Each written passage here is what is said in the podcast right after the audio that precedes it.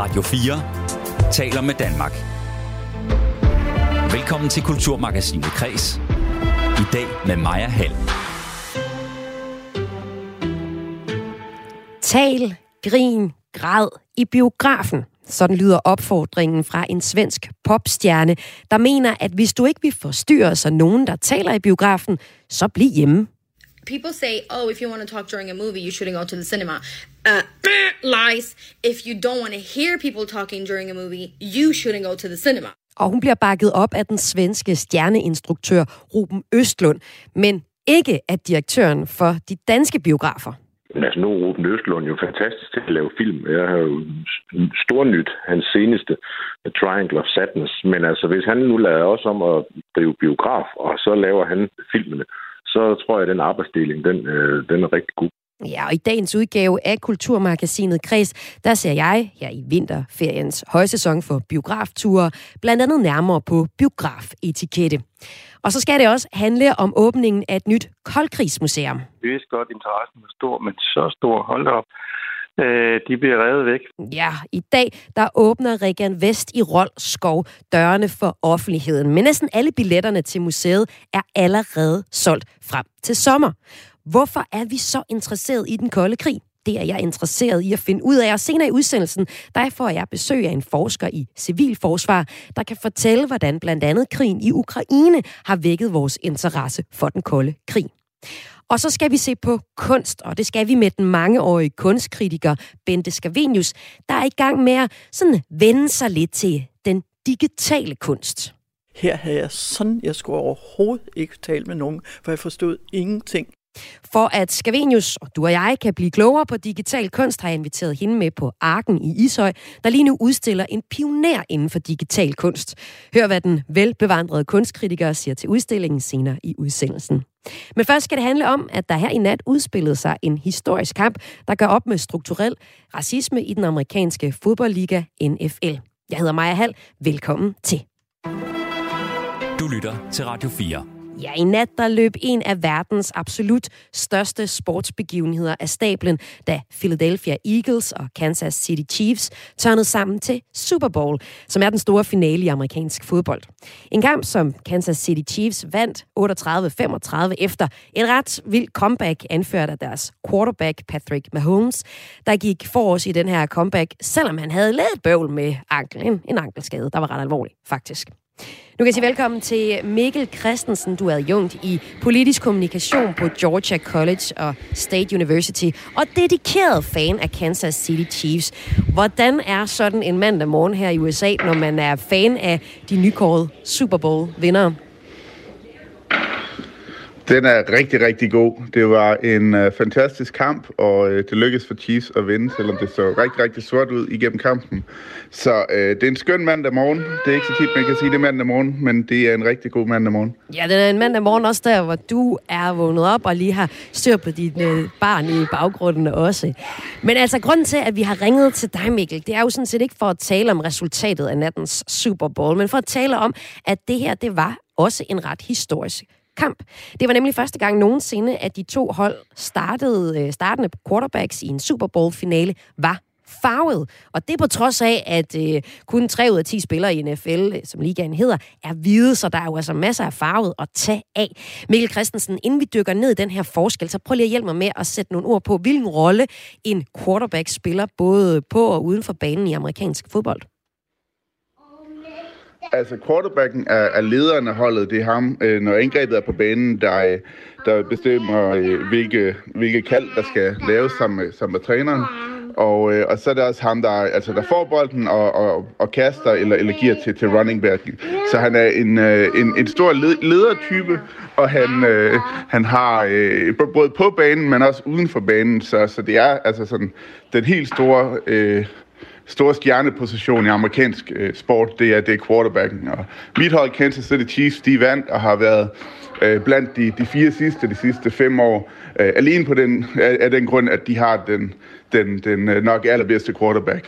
Øh, så det gør en kæmpe forskel, øh, og det er en, øh, en super vigtig position, og det, det er den store leder på, på holdet, mm, mm. både på og uden for banen. Ja, når nu størstedelen af spillerne i NFL så er farvet, hvorfor er størstedelen af quarterbacks så hvide?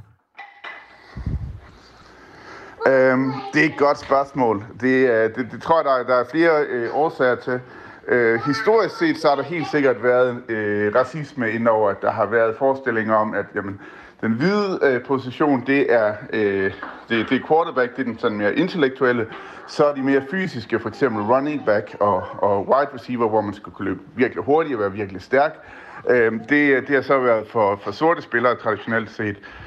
Øh, og, øh, og det har ikke kun været i NFL, det har været på øh, i college, hvor de spiller inden, og, og high schoolen, øh, har det ligesom været opfattelsen, så trænerne har tit sat øh, de hvide spillere som, som quarterback, de bedste hvide spillere som quarterbacks, og så de, de sorte spillere som, øh, øh, så, som, som på andre positioner. Og øh, vi kan også se det med, med øh, Philadelphia Eagles, der, der også var i Super Bowl mod Kansas City. Deres quarterback, Jalen Hurts, da han blev øh, valgt ind i ligaen for et par år siden, Øh, der var der flere, der mente, at han skulle ikke engang spille quarterback, selvom han havde gjort det hele sit liv, mm. øh, fordi han var så stærk og så hurtig, så han ville i virkeligheden være bedre på en, på en anden position. Øh, og det ved jeg ikke, om man vil have samme forslag til, til hvide spillere, øh, men der er de her stereotyper om, om sorte spillere, og heldigvis så er det ved at ændre sig. Altså det hjælper selvfølgelig, at, ja.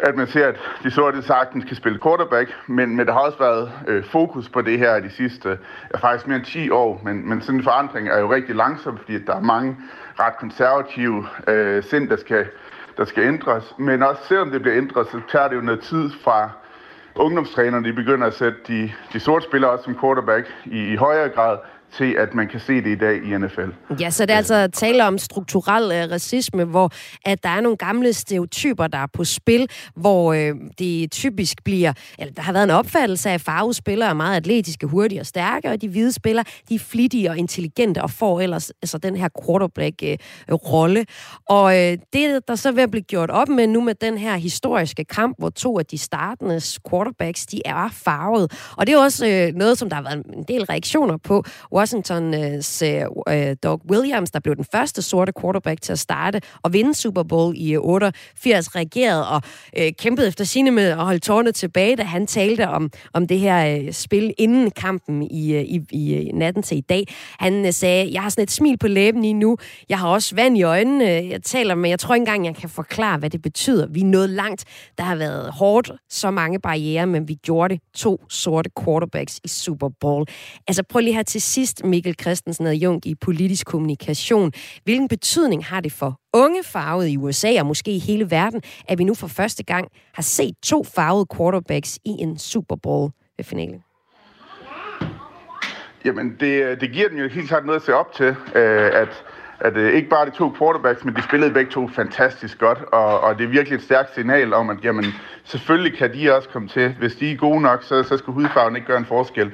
Og måden det skete på, tror jeg også øh, har en stor betydning. Altså Patrick Mahomes, der blev kampens vist værdifulde spiller, han er en fantastisk atlet, men han spillede med en forstudet ankel, så det var ikke fordi, at han kunne, kunne, kunne flytte sig så godt, som han plejer at gøre. Det var lige så meget hans hurtige beslutninger, hans intellekt. Altså mange af de, de øh, karakteristika, vi traditionelt har givet hvide quarterbacks, det er han også fantastisk til, og det var sådan, altså virkelig en, en, en stærk påmindelse om, at jamen selvfølgelig, Selvfølgelig skal hudfarve jo ikke spille en rolle. Øh, selvfølgelig kan sort også kan virkelig gode beslutninger og være gode ledere, og det fik de i høj grad vist i går, og det, det håber jeg og tror virkelig kan komme til at gøre en forskel for, øh, for mange i, i fremtiden.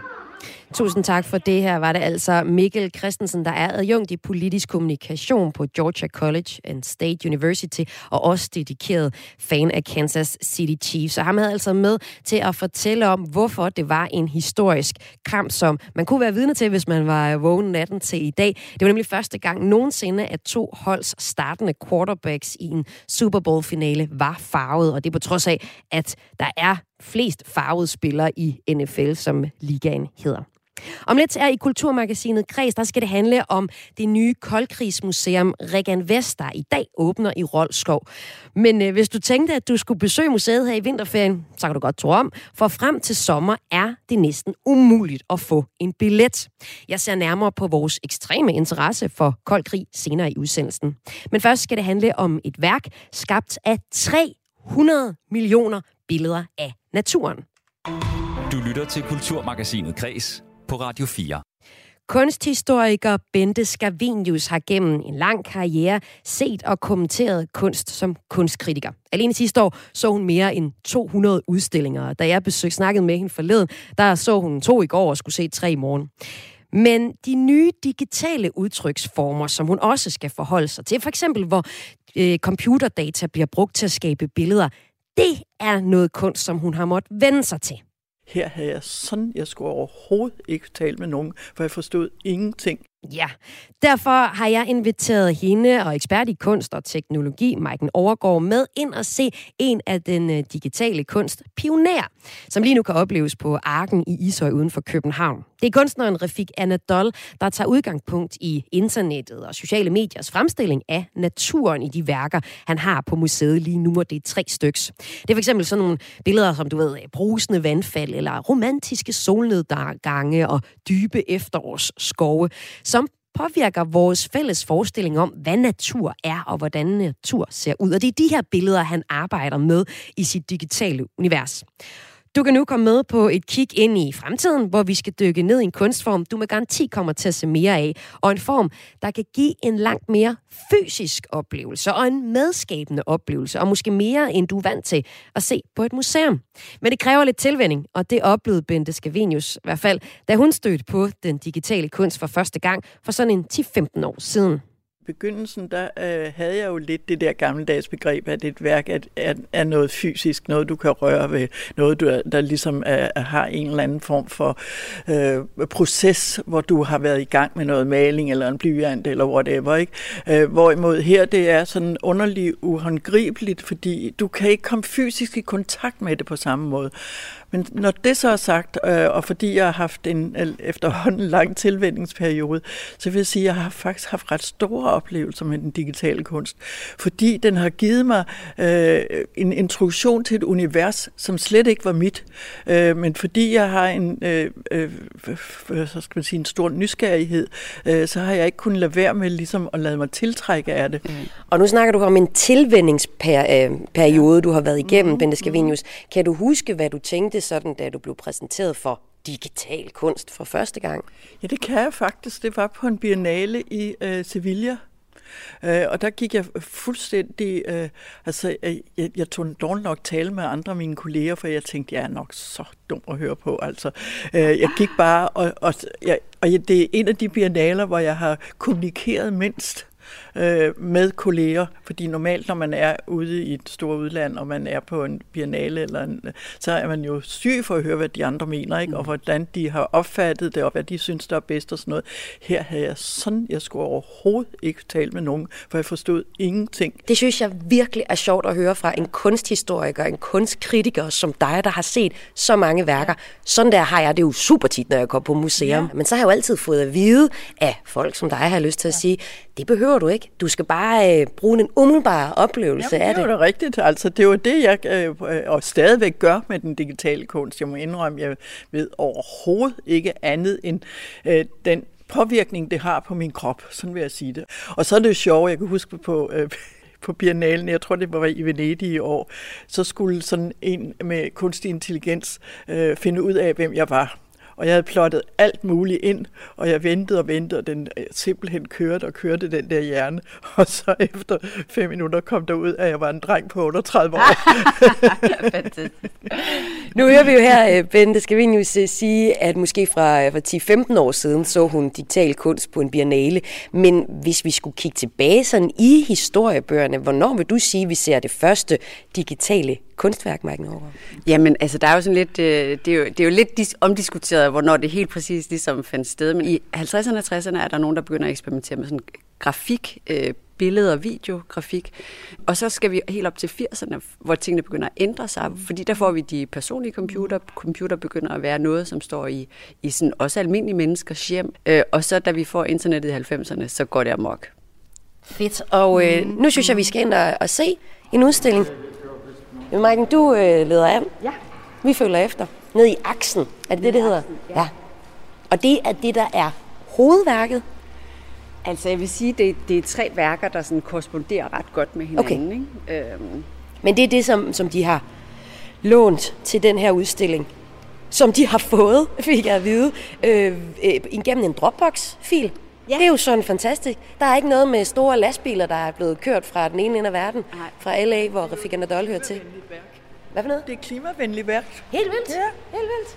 Altså, der er selvfølgelig lige en rimelig mange computere, som vi går hen imod nu, hvor vi ser bagsiden af altså det øh, første værk af Rafik Anadols øh, værker, som vi skal se. Og hvad var det, det hed? Nature Dreams. Nature Dreams. Og, Naturen drømmer. Og nu vil jeg holde min mund et øjeblik, og så spørger jeg øh, lige om lidt jer, hvad, I, hvad du siger til det, Bente. Nu går vi øh, tæt bag computerne og træder nu ind i aksen og vender os om og ser mod Rafik Anadols værk Nature Dreams. Og det er kunsthistoriker Bente Skevenius, jeg har inviteret ind og se Refik Anadols udstilling på Arken sammen med ekspert i kunst og teknologi, Maiken Overgaard, der også har været med til at formidle udstillingen. Og en ekspert, det havde vi brug for, for Nature Dreams, det er ikke olie på lærred, som Skevenius ellers kender ekstremt godt. Nature Dreams, det er et kæmpe fladskærms-tv, en 7 gange 7 meter, så kvadratmeter stor dataskulptur, og på skærmen, der kører så et levende kunstværk, der hele tiden ændrer form. Man aner, det er naturbilleder, altså som før sagt en skov, en blomsterbusk, en vulkan måske, men sekundet efter man sådan har identificeret det, så bliver det opløst, og ikke så genkendeligt lærer, men bliver mere sådan et dynamisk farveunivers for så at tage form til et nyt billede, man måske lige når at genkende. Og så er det som om, at de bevæger sig både ind og ud af skærmen. Bag værket, der gemmer der sig en computerteknologi, fortæller ekspert i kunst og teknologi, Marken Overgaard, mens kunsthistorie Bente Skavinius her betaget ser på værket, kan vi høre. Det er da helt vildt. Det er da fantastisk flot. Og en helt anden side af sagen, at det har jo simpelthen en, øh, øh hvad skal man sige, en utrolig dybde, så man har på fornemmelsen, at man kan gå ind i det. Øh, og det er jo øh, altså det, det er meget dragende og lidt sindssygt flot. Altså, det ville en, en, en uh, traditionel maler fra, fra uh, Corner ikke kunne udføre. og Mike Norgård, vil du ikke prøve at fortælle, hvad er det, vi står og ser på? Jo, altså jeg vil først bare lige sige, at jeg synes, det er ret fedt, at Bente siger, øh, det er ligesom et maleri, eller det giver hende øh, associationer, ikke? fordi at øh, Refik Anadol her, han har jo sådan øh, fundet på en terminologi. Ikke? Han, han, øh, han, øh, I 2008 så blev han meget optaget af data. Det var ligesom der, der var sådan ligesom et vendepunkt, og der skaber han altså sådan konceptet om datamaleri, data painting. Øh, og det han siger nemlig, det er, at for ham, han, altså dataen er pigmentet, som han maler med. Helt konkret så ser vi jo øh, en, en meget stor skærm, der står midt i aksen.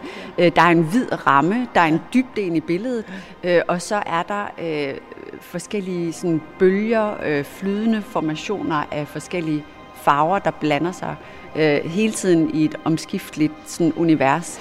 Øh, og det, der sker her, det er, at han har taget et datasæt med ufattelig mange billeder af natur. Mm, mm. Det kunne jeg se på det første. Ja. Øh, der var simpelthen, jeg tænkte, nå, øh, det synes jeg, at jeg kan øh, se et eller andet landskab i det. Ja, så vi har at gøre med sådan noget 300 millioner billeder Præcis. agtigt, han har puttet ind i sin en computeralgoritme, som så skaber nye billeder, og så har han lavet et lille twist. Ja, altså de laver deres eget software også i hans studie. Han har 15 mennesker ansat, eller plus minus, øh, og, øh, og så arbejder de så øh, med den her data og skaber de her øh, flydende, bløde bevægelser øh, med den, det datapigment, øh, som han hiver ud af de her datasæt. Og, øh, og ha, altså det, er, det, at han kan sådan arbejde med farver og former på den her måde, det er meget unikt. Altså det er det, der gør Refik Anadol til Refik Anadol. Og det er jo der, hans personlighed kommer ind. Meget, Fordi ja. det er jo også det, man står og øh, mange gange i den digitale kunst mangler lige akkurat en personlig dimension. Ja. Ikke sige, hvor er kunstneren? Ja. Ikke? Er det teknik? Er det, øh, øh hvad hedder det, algoritmer alt sammen? Ikke? Ja. Hvor er kunstneren? Så hvis det for eksempel havde ja. været en algoritme, der var fodret med en masse mm. naturbilleder mm. fra BBC's naturfilm ja, ja, ja, for eksempel, ja, ja. og så havde skabt nogle nye øh, billeder, ja. så vil du sige, mm, ikke så spændende. Men fordi han lægger det hemmelige ingrediens over, så bliver det pludselig Præcis, et værk med Fordi jeg, altså, øh, jeg vil jo kunne genkende et øh, naturbillede fra BBC, ikke? og hvis jeg ser 25 af dem, øh, hvad skal man sige, samlet, ikke? Øh, så vil jeg tænke, nå, er det ikke andet? Ja. Jamen, det er jo rent, det er jo godt. Det er jo, altså man kan, man på, det giver associationer hele tiden til noget, man synes, man kender, og ja. så til noget, man aldrig har set før. Ja. Det er virkelig fantastisk. Og det der, det er jo Vesuv i udbrud. Er vul- vulkan? ja. ja. Ja, sådan lyder det her fra kunsthistoriker Bente Skavenius og ekspert i kunst og teknologi Maiken Overgaard, som jeg altså har med inde på, øh, på Arken og se et øh, værk, eller tre værker af den digitale kunstner Refik Anadol. Og de to af dem, som vi zoomer ind på i øh, indslaget her i Kulturmagasinet Kreds, som du lytter til, hvor vi altså skal prøve at se lidt nærmere på den øh, digitale kunst, som for Bente Skavenius, der har set rigtig mange værker gennem tiden, alligevel er en nyere ting. Og øh, her i det sidste klip, der er vi nået ind i et rum med skærme sådan på alle væggene, der igen viser noget, der minder om naturbilleder, men de flyder sammen, inden man sådan helt får hold på, hvad billedet forestiller. Og her forklarer Bente Skavinius, at hun oplever, at med Rafik Anadol, så er den digitale kunst noget andet og en helt anden oplevelse. En faktisk ret åndelig oplevelse og noget helt andet end olie på lærred. Fordi olie på lærred på en måde øh, ekskluderer dig, hvis man kan sige det sådan. Altså du bliver nødt til, øh, du, du er jo ikke en del af værket, du er en voyeur, du er en betragter, der står og ser på værket og får selvfølgelig, øh, håber jeg, en oplevelse af det. Men her der er du en del af værket. Altså du indgår simpelthen øh, som øh, hele din krop og øh, din fysiske tilstedeværelse bliver omsluttet af værket. Det har vi jo selvfølgelig øh, oplevet i øh, hvad hedder det, installationer gennem lang tid, at den der fornemmelse af at være en del af rummet og blive en del af rummet, øh, som jeg synes er fascinerende, fordi det kan give en nogle fysiske oplevelser, som er øh, meget øh, uforudsigelige. Og er det særligt for det værk, vi står inde i nu, eller Nej, var det også taler, givende for det, vi så? Lidt, jeg taler lidt generelt også. På baggrund af det her vil jeg sige, at jeg har set meget uinteressant digital kunst. det kan man ikke sige. Jo, jo, det kan man sagtens sige. Fordi nu står jeg her øh, og oplever noget, som øh, virkelig øh, forløbig for mig er det ultimative. Og det vi hører Benne Scavenius sige her, det er, at det bliver en, en oplevelse, hvor du også selv er en del af det. Og det er man jo egentlig på flere punkter, fordi den datamateriale, der ligger til baggrund for meget af det, Rafik Anadol laver, jamen det er jo egentlig noget, der kommer fra den virkelighed, vi ellers beskæftiger os i. Så vil du også give Benne ret i, at øh, Magne, at der er et, et, øh, et lag af, af os selv, der er med i værkerne, når, vi, når det handler om digital kunst? Jeg er meget, meget enig med Bente. Altså, fordi, fordi, altså det, og det et andet udtryk, som Rafik Anadol bruger, som jeg synes er enormt smukt, det er, at han siger, at øh, data er andet og mere end bare bits and bytes, 0 og 1-taller. Mm, mm, mm. Data er kollektiv hukommelse. Det er vores kollektiv hukommelse, som han anvender i sine værker. Gud, som er det godt sagt. Men ellers vil jeg sige, at det, det er få værker, hvor du virkelig har den der trang til at gå ind i værket, lade dig rive med af værket og simpelthen få den der meditative oplevelse. Men der er det faktisk også lidt interessant, øh, det Sixtinske kapel, altså ja. man kan sige kirkemalerier, og mm. øhm, altså det er måske noget af det, der vækker det, noget, altså noget, der noget er det samme, og der kan man så ja. måske stille et lille kritisk øh, spørgsmål mm. til Anadol, ikke? fordi hvis vi, hvis vi sammenligner ham med nogle af de her ja. sådan mere kristne ja. Ja. Øh, øh, udtryk, øh, så, hvad er det så, han får skabt i os? Ikke? Altså det er den her storhed, det er mm. sådan, øh, mm. altså, og, og, og der sætter han jo lidt maskinen i Guds sted, ikke? Altså sådan, jo. Øh, men, og, øh, men, det, øh, men, men det er jo også vores tid, ikke? Jamen, det er det. Ja. Altså, Leonardo, han satte jo også maskinen i Guds sted, ikke? Ja. Allerede at opfinde en flyvemaskine, ikke? men jeg tror bare, det er meget vigtigt, at vi også er bevidste ja, om det ja, element, ja. ikke? Altså, altså hvordan, vi, øh, hvordan vi ligesom åndeliggør maskinen, mm, ikke? Altså, øh, men der er noget åndeligt gjort i bare i oplevelsen, Jamen, ikke? det er der. Ikke? Der tænker ja. man jo ikke på maskinen. Nej, ikke lige først for. Nej. først når du skal når man bliver spurgt, hvad er det, du ser? Ja, ja, ja. så, så man tænkt, okay. Ja, og det er de to øh, kunstinteresserede her, kunsthistoriker Bente Scavenius og øh, også ekspert i kunst og teknologi, Maiken Overgaard, stod og så på og oplevede sammen med mig. Det var altså Rafik Anadols øh, værker under titlen Nature Dreams, som man kan opleve lige nu på Arken, der ligger i Ishøj uden for København. Om lidt så skal det handle om, hvordan vi opfører os i biografen. Det skal handle om filmen, når vi går i biografen. Men hvornår har du egentlig sidst sådan ladt latteren folde sig ud og tårne løbe i biografen? Sådan spørger en biografdirektør senere i udsendelsen, og stikker sådan måske lidt til vores måske for passiv tilgang til biografoplevelsen, mens en direktør for danske biografer skal bede om ro i salen. Men inden vi kommer til den snak, så skal vi en tur til en atomsikker bunker, som i al hemmelighed blev opført i midten af 1960'erne. Du lytter til Kulturmagasinet Kres på Radio 4. I dag slår et nyt koldkrigsmuseum dørene op for offentligheden, og det gør det med en bemærkelsesværdig succes. Selvom Regen Vest, som museet hedder, ligger dybt inde i Rolskov i Nordjylland, har de nemlig allerede inden åbningsdagen solgt næsten 27.000 af de knap 29.000 billetter, der blev sat til salg frem til sommer. Ikke underligt til øh, Regen, øh, ikke underligt for Regen Vest museumsdirektør Lars Christian Bak store tilfredshed, sagde han til Radio 4 i morges. De spurgte ham, om han havde regnet med, at billetsalget var gået så godt. Det, det havde vi faktisk ikke. Øh, vi vidste godt, at interessen var stor, men så stor, hold op, øh, de bliver revet væk. Ja, for os, der er vokset op i 90'erne, som jeg selv er, så kan det være svært at forholde sig til, hvordan det var at leve under den kolde krig, tilbagevendende trussel om en alt ødelæggende 3. verdenskrig. En situation, hvor Danmark lå i det øh, strategiske, sådan ret vigtige smørhul mellem de rivaliserende supermagter, USA og Sovjetunionen. En tid, hvor supermagterne eskalerede våbenkapløb, fik os til at skrive sange, der lød sådan her. Vi voksne kan også være bange og synge lange, lange, bange sange. Der er så meget, man skal passe på. Jeg har jo dig, som jeg skal passe på. Ja, her fik vi lidt af Bjarne Jes Hansens Vi voksne kan også være bange fra 1978. Og det var for fuld udblæsning. Jeg beklager, jeg lige fik skruet lidt højt op for lyden. Men blandt andet situationen i Ukraine og truslen fra Putins Rusland, det har været medvirkende til, at der er blevet skabt en fornyet interesse for livet under den kolde krig. Det mener min næste gæst, og det er øh, dig, Rosanna Farbøl. Du er koldkrigsforsker ved Lunds Universitet med speciale i civilforsvar. Velkommen til dig. Tak skal du have. Vi øh, vender tilbage til dig lige om lidt, for først så skal vi to lige øh, høre lidt mere om øh, det her nye museum i Rolskov, og vi skal høre en reportage derfra.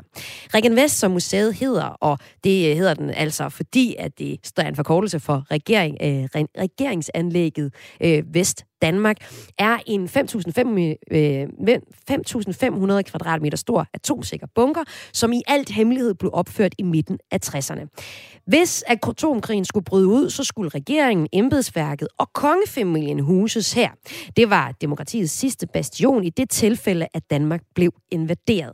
I dag åbner det så for offentligheden som museum, og min kollega her på Radio 4, Niklas Stein, han besøgte i sidste uge museet for at lave en reportage til vores politiske program her på kanalen. Det hedder Frontlinjen, og øh, lidt af den reportage får du her.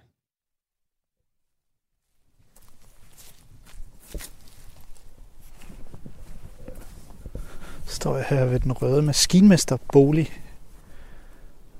En nydelig, øh, fin, gammel villa omgivet af en masse store træer med et øh, meget flot naturlandskab rundt om, som jeg er inde på, og øh, med nogle bygninger lidt længere ned ad vejen i baggrunden, som muligvis kunne være det her koldkrigsmuseum.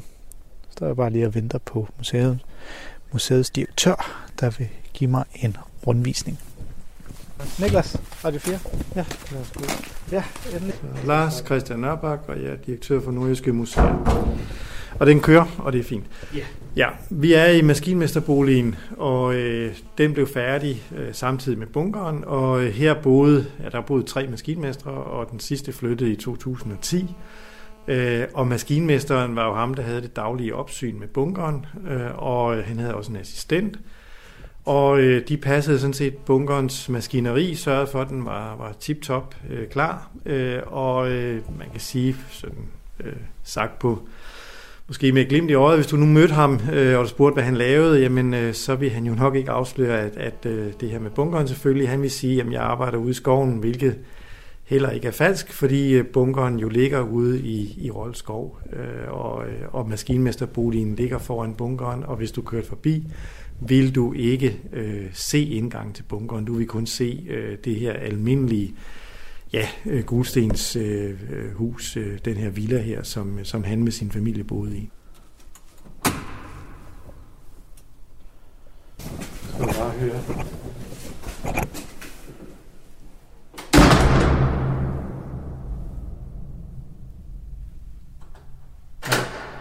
Det er det ekko, der vinder.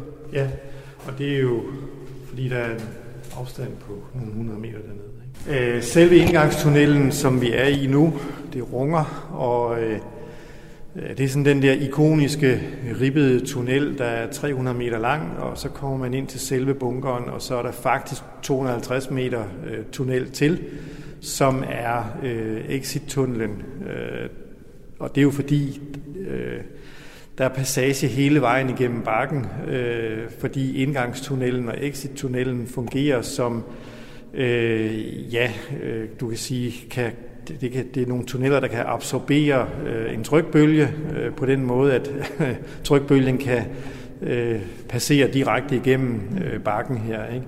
Og så indgangstunnelen, der, altså, den er ikonisk øh, med, med de her ribber, Øh, og den, øh, jeg, jeg synes, det ligner sådan øh, ja, en eller anden øh, dinosaurhals eller sådan noget. Det, men det, der kan man jo fantasere lidt omkring det. Men, men ribberne er jo øh, også lavet for, ja selvfølgelig at stabilisere tunnelen, men også for at kunne opfange trykbølgen og for at kunne opfange ja, flyvende træstykker og andet, øh, der måtte øh, komme med sådan en trykbølge der.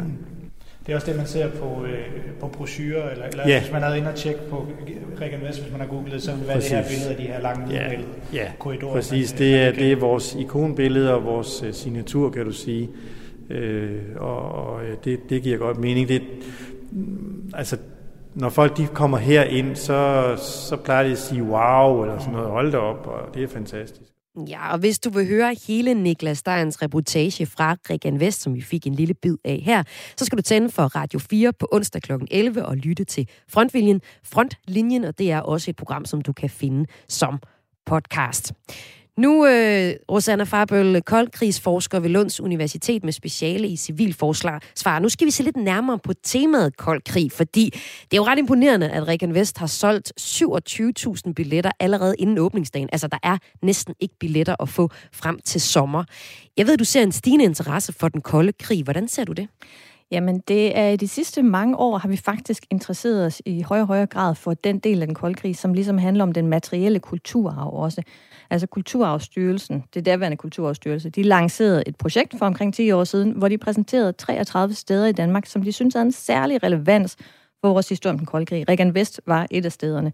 Vi har også set i den her periode en masse små museer åbne, øh, enten dedikerede koldkrigsmuseer eller med udstillinger omkring den kolde krig, så der har været sådan en voksende interesse, og der er Regan Vest jo kulminationen, kan man ligesom sige, på det her projekt med at bringe den kolde krig på museum. Og det er selvfølgelig også klart, at de har på en meget tragisk baggrund jo fået en, en aktuel kontekst, der gør, at folk begynder at stille sig spørgsmål omkring, hvad er det her med at forberede sig på en atomkrig? Så på den måde har de fået måske lidt ekstra opmærksomhed her. Ja, lad os lige prøve at tage, altså hvad mener du, hvad er din vurdering af, at vi er, ja du siger over de sidste 10 år blevet mere og mere interesseret i den kolde krig, og i særdeleshed også lige nu, hvad er det for en tragisk hændelse, du taler om? Jamen det er klart, at når der kommer øh, en krig, så begynder vi at interessere os for en krigshistorie. Altså vi mennesker kommer typisk til historie med nutidens briller på. Det er det, der optager os lige nu, som vi typisk vender os til og synes er spændende. Det er typisk øh, socialdemokratisk orienterede historikere, der skriver arbejderhistorie. Det er typisk kvinder, der har skrevet kvindehistorien. Altså, vi vender os til historien ud fra den verden, Men vi der ligesom er jo krig hele tiden. Hvordan kan det være, at Ruslands invasion af Ukraine gør krigen mere nærværende for os i Danmark? Det er der flere årsager til. Altså en ting er, at medierne har jo flyttet med referencer til, det er en ny kold krig, eller kold krig 2.0 så er der de her evindelige atomtrusler fra Putin, som jo bringer reminiscenser til en anden tid, som vi forbinder med atomvåben. Og det er jo ikke sådan, at atomvåbnene kun hørte den kolde krig til, og så forsvandt de ligesom, da den kolde krig ophørte. Det har vi en tendens til at tænke, og nu synes vi, det er kommet tilbage, og derfor giver det det sådan et ekstra chok-effekt på en måde. Gud, de der atomvåben, den atomtrussel, det var faktisk ikke øh, et overstået kapitel, så vender vi os til historien for at finde nogle eksempler, vi kan spejle os i. Hvad tænkte man dengang? Hvad gjorde man dengang? Ja, og, og der lad os kan lige prøve at zoome ind på den tid, fordi hvis du lige prøver at tage os med tilbage til årene under den kolde krig, hvad var det for en stemning, der herskede i den her periode, hvor vi byggede bunker og beskyttelsesrum som Regan Vest, og myndighederne lavede pjæser om, hvordan man skulle forholde sig, hvis krigen kom? Ja, der er det jo vigtigt at sige, at den kolde krig er en meget, meget lang periode, altså fra slutningen af 40'erne øh, og op til murens fald i 89. Så øh, det, det har selvfølgelig ikke været lige aktuelt og lige præsent, hvor bange man har været for krig i hele den her periode. Men Regan Vest bliver jo bygget under indtryk af, at man udvikler en ny slags kernevåben, der hedder brintbomber, som er markant større øh, end atombomben, som vi kendte dem fra Hiroshima og Nagasaki. Der er principielt ikke nogen teoretisk grænse for, hvor stor du kan lave brintvåben. Og det gør, at man begynder at tænke på, hvordan forbereder vi et samfund på sådan en omfattende krig her. Og en af de ting, der er vigtige, det er, at der skal være en regering. Der skal være et Danmark, kan man sige, et officielt Danmark, hvis krigen kommer. Det er noget, NATO begynder at interessere sig for, og de giver simpelthen pålæg om at bygge regeringsanlæg, som eksempelvis Regan Vest. Så det er direkte udslag af, at NATO ligesom vurderer, at der er en ny øh, krigstrussel her, som vi skal forholde os til, som det- det... gør det vigtigt at lave de her atomsikrede anlæg. Så det var sådan en, en tilbagevendende frygt, som poppede op jo nok også i, i kulturen. Nu hørte vi lidt, lidt musik øh, før også. Men hvis vi sådan skærer ind til benet, øh, hvad er det så for en trussel, vi i Danmark stod over for i en stormagtsrivalisering mellem USA og Sovjetunionen, som du siger, bølgede lidt frem og tilbage? Ja, altså, hvor sandsynligt en krig blev betragtet som, det svinger jo. Der er perioder i den kolde krig, hvor man mener, at truslen er meget tæt på, især i starten af 50'erne. Koreakrigen eksempelvis fra 1950 til 53, der vidste man jo reelt set ikke, da den brød ud, var det her starten på en 3. verdenskrig, og eventuelt en 3. verdenskrig med atomvåben. Og det er også derfor, man i Danmark genoptager at bygge beskyttelsesrum til befolkningen i den her periode. Kuba-krisen er et andet spændingsperiode. Så kommer der en lang afspændingsperiode i 70'erne, og så får vi igen en spændingsperiode i 80'erne. Og der bølger øhm, truslen, men også frygten jo frem og tilbage i de her perioder. Og så har vi jo så øh, Regan Vest, som slår dørene op i dag, hvis man er så heldig at have en øh, billet. Du har selv besøgt Regan, Re, Regan Vest, øh, inden det blev tilladet til øh, museum. Hvad er det for en oplevelse, man møder her, hvis man er, som rigtig mange danskere er blevet interesseret i den kolde krig? Jamen, det er et fantastisk anlæg at komme ned i, fordi man får en del af den historie, som vi i mange år ikke har kendt så meget til. Den her lidt mere hemmelige historie om, hvad var forberedelserne egentlig på øh, en krig? Hvordan, vi kender, de fleste af os har hørt om, hvis krigen kommer, øh, og, og har sådan måske lidt sådan, øh, forhold til den lidt hånligt, det er lidt latterligt, hvad, hvad kunne de der råd egentlig nytte? Men her ser vi, hvor seriøst myndighederne faktisk tog truslen om atomkrig og bygge det her anlæg. Så det er en fantastisk oplevelse at komme ned i det, Og, og når du siger råd, på. så er det de her, den her pjæse fra 62, der hed Hvis krigen kommer. Ja. ja. Og der er forskellige råd om, hvordan man indretter sit eget beskyttelsesrum, eller hvad man gør, hvis man er ude eksempelvis at køre i sin bil, når øh, krigen kommer osv. Så videre. Sådan nogle øh, praktiske øh, råd, som, som almindelige danskere kunne bruge til at forberede sig, måske lige så meget mentalt i virkeligheden på, at der kunne komme en krig. Mm. Det var vigtigt for myndighederne at forsøge at forberede danskerne ud fra devisen, at hvis man føler sig forberedt, jamen så opgiver man ikke så nemt ævret, så er moralen intakt, uanset at vi så vil blive bumpet. Måske ved alt, hvad der kunne komme. For som du kort var inde på, så lå Danmark jo et meget uheldigt sted, geostrategisk set, mellem Varsava-pakten og NATO-landene. Og vi i næsten et hvert tænkeligt krigsscenario, jamen der vil Danmark blive inddraget. Så man regnede med, at det ville komme til at gå hårdt ud over Danmark. Sjælland vil nok øh, relativt hurtigt blive tabt, og derfor skulle man have et anlæg som for eksempel Regan Vest, hvor regeringen, en del af regeringen, øh, statsadministrationen, dronningen, kunne opholde sig og ligesom kunne hævde en form for suverænitet, selvom en anden del af Danmark måske var blevet besat.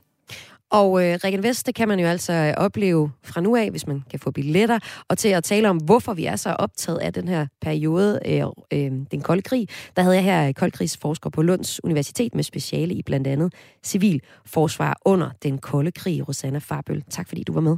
Selv tak. Og øh, det er altså en snak om øh, Regan Vest i Rolskov, som åbner i dag. Og hvis man gerne vil høre mere om museet Regan Vest, ja, så kan man blandt andet finde en reportage i frontlinjen her på Radio 4, som øh, sender klokken 11, hvor min kollega Peter Ernst ved Rasmussen fortæller historien om museet. Og der er som sagt en del ventetid, hvis du selv vil sikre dig billetter til Koldkrigsmuseet. 27.000 af de knap 29.000 billetter, som har været i øh, salg frem til sommer, er allerede væk. Og øh, så er det ret vigtigt, lige en lille servicemeddelelse, at man ikke bare dukker op, fordi man skal faktisk have en billet for at besøge museet her. Du lytter til Kulturmagasinet Kres på Radio 4. Radio 4 taler med Danmark. Det er vinterferie, højsæson for biograferne, men hvordan skal vi opføre os i dem? Det skal det handle om nu. Hvis du ikke gider at høre folk, der snakker i biografen, så bliv hjemme. Sådan lyder det fra den svenske popstjerne Sara Larsson i en film eller i en video på TikTok. If you want to sit in silence like a fucking stone, just go home. Ja, vi skal tale sammen i biografen. Det øh, siger hun, men hun bliver også mødt af kritik for det. Men den svenske bredt anerkendte filmmager Ruben Østlund, der er aktuel med Triangle of Sadness, bakker hende op i den svenske avis Aftenbladet. Han øh, går ind for en mere aktiv biografkultur og mener, at svenskene er for passiv. Men hvad med danskerne? Det skal vi tale om nu, og når jeg siger vi, så er det fordi, jeg har fået besøg af direktør for kunstbiografen Øst for Paradis, der ligger i Aarhus. Line Bjørn, velkommen til dig. Mange tak. Du opfordrer jo faktisk også til en mere aktiv biografkultur, men kun når det gælder noget, der er relateret filmen. Hvad mener du med det? Jamen, jeg mener sådan set, at man skal holde sin kæft, hvis man ikke har noget relevant at sige øh, om, om andet, end, end hvis man får en følelse, eller et udbrud, tårer, eller griner, eller får et chok, eller har brug for at viske noget til sin sidemand så... Øh... Uh, der rammer du allerede noget, ja, som ja, ja. nogen nok synes var irriterende. Og så siger jeg, viske noget ja. til sin side, man ja. jeg lige retter mig selv. Ja. Øh, for det gør jeg selv, og sådan, har du set det ham fra? Eller, og det kan man gøre helt stille, med kæmpe respekt for, at der sidder nogen, øh, som ikke har behov for lige at få den her besked, men man selv lige skal give den videre. Øh, så jeg er sådan set enig med hende, øh, og jeg, jeg det er jo også helt tydeligt, at hun har sagt det så kontant og så hårdt. Hun har også selv ude og sige sådan, ah, måske sagde hun det lidt hårdt, fordi det er jo fantastisk at være sammen om en oplevelse. Det er jo det, biograferne kan. Og selvfølgelig skal man mærke hinanden. Det gør man jo... Øh, gør man jo virkelig, når man sidder sammen. Og der er det vigtigt, at der ikke er fuldstændig stille. Så jeg nyder, når man kan høre folk, der griner, og de griner på forskellige tidspunkter. Øh, man kan høre folk begynde at snøfte forskellige steder i salen. Det er, det, det er en ægte filmoplevelse for mig. Men ikke, hvis man ser, hvad klokken er, er på sin mobiltelefon. Alt sådan noget eller bare forstyrre i almindelighed. Lad os lige prøve at høre et lille klip mere fra uh, Sarah Larsons uh, TikTok, hvor uh, hun jo altså siger, at pointen med at gå i biografen, det er, at vi får en oplevelse sammen i biografsalen. Vi skal snakke, grine og græde i biografen. Isn't the whole thing about watching something with other people in the same room to like experience it together and laugh and scream and have full on analyses about the characters like while you're watching it. If you want to sit in silence like a fucking stone, just go home. Like. Ja, hun siger altså, at du skal blive hjemme, hvis du øh, vil sidde som en, en sten i biografen. Og øh, det, jeg hører dig sige, det er, at jamen, du må gerne viske og sige en lille smule i biografen, men, men altså, hvorfor er det egentlig, at vi skal gøre det? Altså egentlig synes jeg, man skal være, der skal være fuldstændig stille. I, i, i vores biograf Østerparadis, der er der stille, men man kan reagere med tårer eller grin eller de her ting. Øh, og ja, man hører ikke andre folk viske. Der er, jeg vil sige, det er en kultur, øh, og jeg synes, vi, jeg synes, vores publikum i Østerparadis gør det virkelig, virkelig godt. Øh, fordi der er ro, så man får den her oplevelse, fordi i, i, i denne her verden, der bliver vi forstyrret flere gange i minuttet nogle gange af telefoner og alt muligt. Du har en mulighed for at fordybe dig. Øh, og så siger man noget af... Altså, jeg har engang hoppet op og siddet, sat mig på skødet ved siden af min sidemand, og, og det, var, det var der ikke noget at gøre ved. Og det er den der spontane, øh, dybe fordybelse i det, man får lov at se. Men det andet, altså nu siger hun analyserer en karakter, vent med det tilbage efter. Det vil jeg bede dem om at Altså, jeg vil direkte oh, smide det er jo en hård, fin balance, det her i virkeligheden, Bjørn. Jeg ved, det ved jeg faktisk ikke, for jeg synes faktisk, folk er gode til det. Vi skal jo måske tilbage til det efter corona, fordi det er så vigtigt at have de her oplevelser sammen. Og man kan sagtens have diskussion, men jeg synes, de biografer, jeg er i, hvis du er i en, som vores, en, en kunstbiograf, hvor du ikke kan få popcorn eller store papbæger med, med sodavand i, der er der ret roligt. Jeg vil heller ikke have folk, de sidder og larmer med deres popcorn.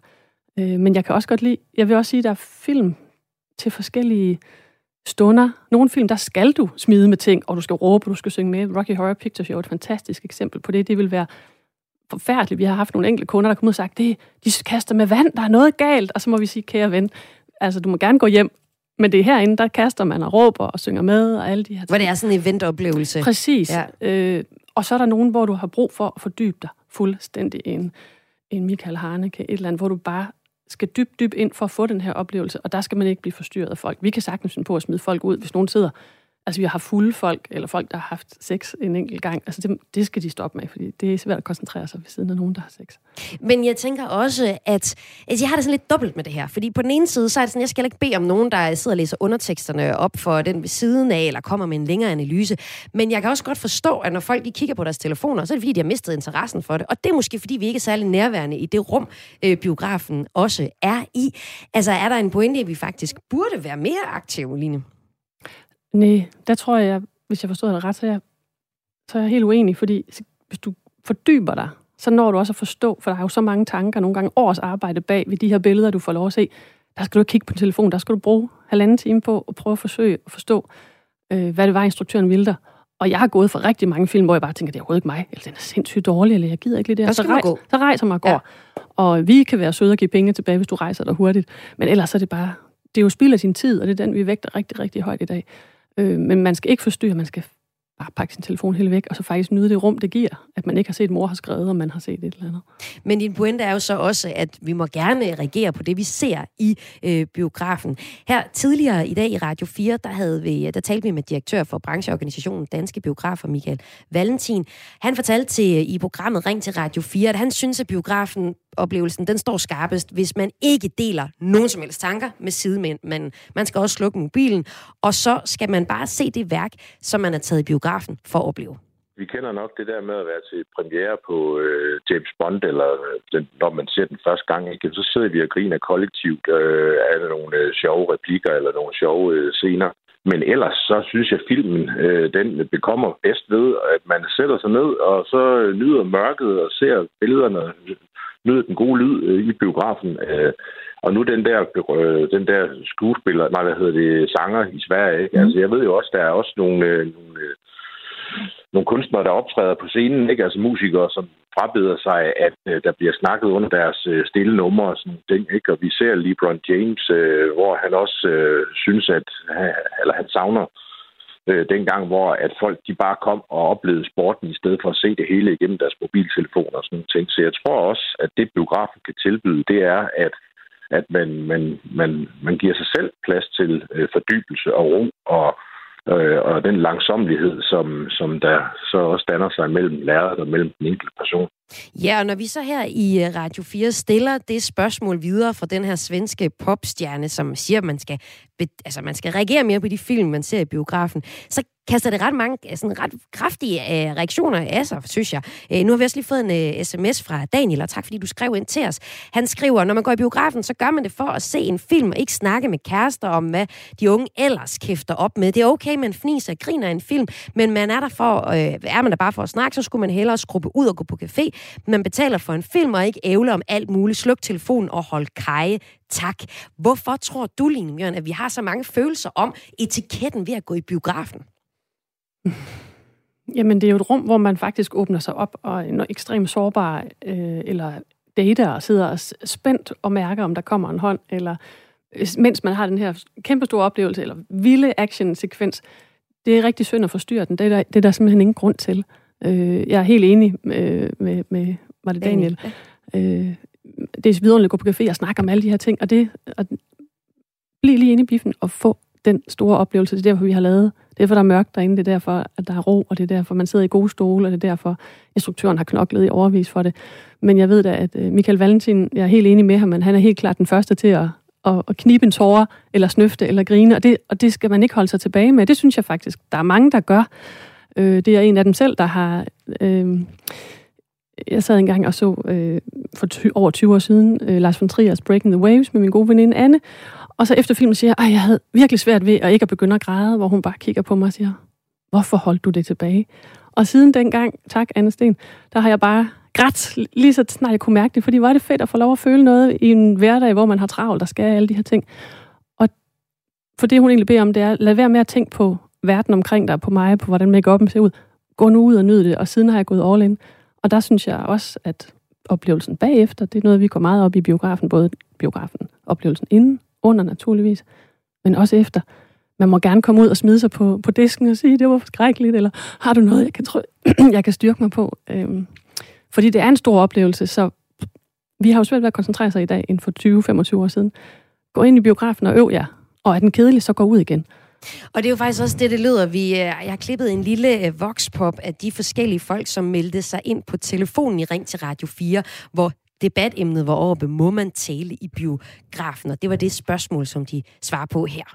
Det kan jeg så ikke så godt lide. Jeg har selv været ude for det et par gange, at folk ved siden af mig eller foran mig, de taler sådan ret højt under forestillingen, og det synes jeg faktisk er ret træls og øhm, hensynsløst over for de andre, der måske gerne lige vil opleve filmen. Hvad kan man sige? Det er et kunstværk, som mange gange som folk går ind og ser, og skal have lov til at nyde og fordybe sig i. Og det er rigtig, rigtig svært, når der sidder folk og pløder hele vejen rundt om en. Men hvorfor skulle vi ikke øh, få den diskursændring, der gør, at, øh, at vi tager simpelthen i biografen for at være sammen med alle de fremmede mennesker, og vi klapper, og vi huer, og, og, og, og vi får alle vores øh, frit løb for vores følelser, som vi, vi er jo lidt hæmmet her i Danmark, ikke? Mm.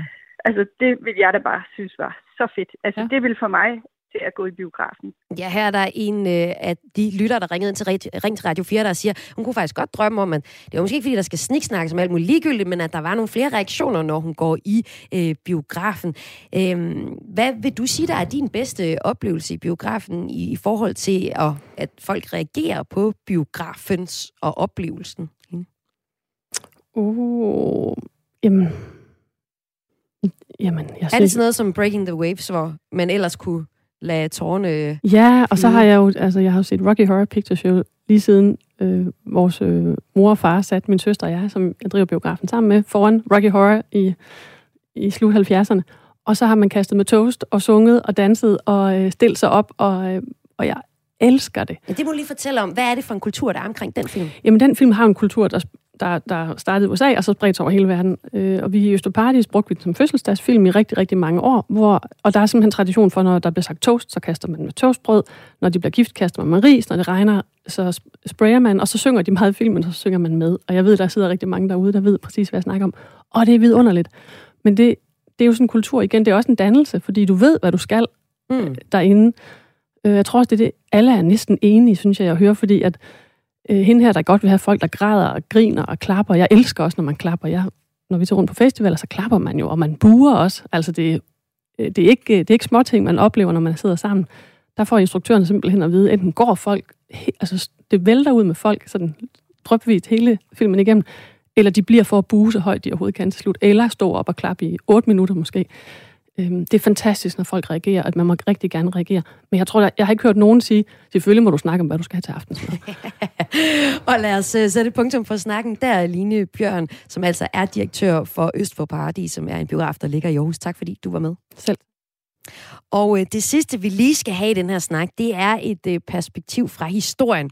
Fordi øh, i de første biografer, der øh, larmede vi noget mere og øh, tog måske ikke så seriøst på det der med at gå i biografen. Det fortalte museumsinspektør ved det Danske Filminstitut, Thomas Christensen, da jeg talte med ham her inden udsendelsen. I Danmark taler man om Cowboy-rækken, øh, som ligesom var de billige sæder nede foran, hvor især øh, nok unge øh, drenge sad og, og larmede, mens de så cowboyfilm. Øhm, I USA, der taler man om, øh, om Peanut-galleriet, øhm, og det er jo fordi biograferne var større i USA, og der var de billige sæder helt op under taget, og der har, der har der siddet publikum og spist peanuts i skaller, som de så har kastet ned på de, på de finere rækker foran. Og, øh, og der kan man måske sige, at i dag der er, der er biografen arbejder på at være en mere luksuriøs øh, oplevelse, sådan så i dag er der måske en tendens til, at vi næsten kun har sofarækker i biograferne, øh, mens det tidligere altså var et, et differentieret publikum, og, øh, og et publikum, som i hvert fald til visse film øh, råbte igen til lærret. Ja, hvor aktive øh, har vi været, altså udover at være generende og sidde og snakke om ting, der ikke vedrører filmen, hvor, hvor meget har vi så ligesom øh, ja, ladt følelserne øh, for frit løb under øh, en biografforestilling i, i historien? Altså filmmediet er jo en øh, er jo sådan en øh, altomfattende oplevelse og og på den måde der der har man jo øh, haft haft de store følelser på spil og og man taler jo også om at man skal have Kleenex med i biografen når man har en tårepærser sådan så så man har jo umiddelbart følt, og måske også givet udtryk for, for de konkrete følelser, som man fik, når man så en, øh, så en bestemt film. Og, og det vil så sige, at hvis det har været en film, som var sådan øh, Ramachan og, og cowboyfilm, så har der været nogen, der har siddet og råbt igen måske er det mest øh, synlige, altså hvis der er nogen øh, James Bond aficionados, så er der jo ingen tvivl om, at der i hvert fald til James Bond film premiere har været nogen, der, der råbte med første gang, at øh, James Bond siger, the name is Bond, James Bond. Altså, så, så der har været en, øh, en en kenderting, og der har været en, øh, en dialog med, øh, med lærret. Sådan lød det her fra museumsinspektør ved det Danske Filminstitut, Thomas Christensen. Og jeg havde altså ringet til ham for at høre, om vi gennem historien har været mere aktive øh, i biograferne. Og det gjorde jeg, fordi der lige nu er en debat i Sverige og altså også i Danmark om, hvordan vi skal opføre os i biografen. Og øh, det var noget, vi tog op i Ring til Radio 4 i morges, hvor øh, du kan finde podcasten fra det program og høre om, hvordan det lød. Det her det var Kulturmagasinet Kreds for i dag. En udsendelse, der var tilrettelagt af Søren Berggren Toft og Mathias Wissing og mig selv. Mit navn er Maja Hal. Kulturmagasinet Kreds det er tilbage igen i morgen kl. 14.05.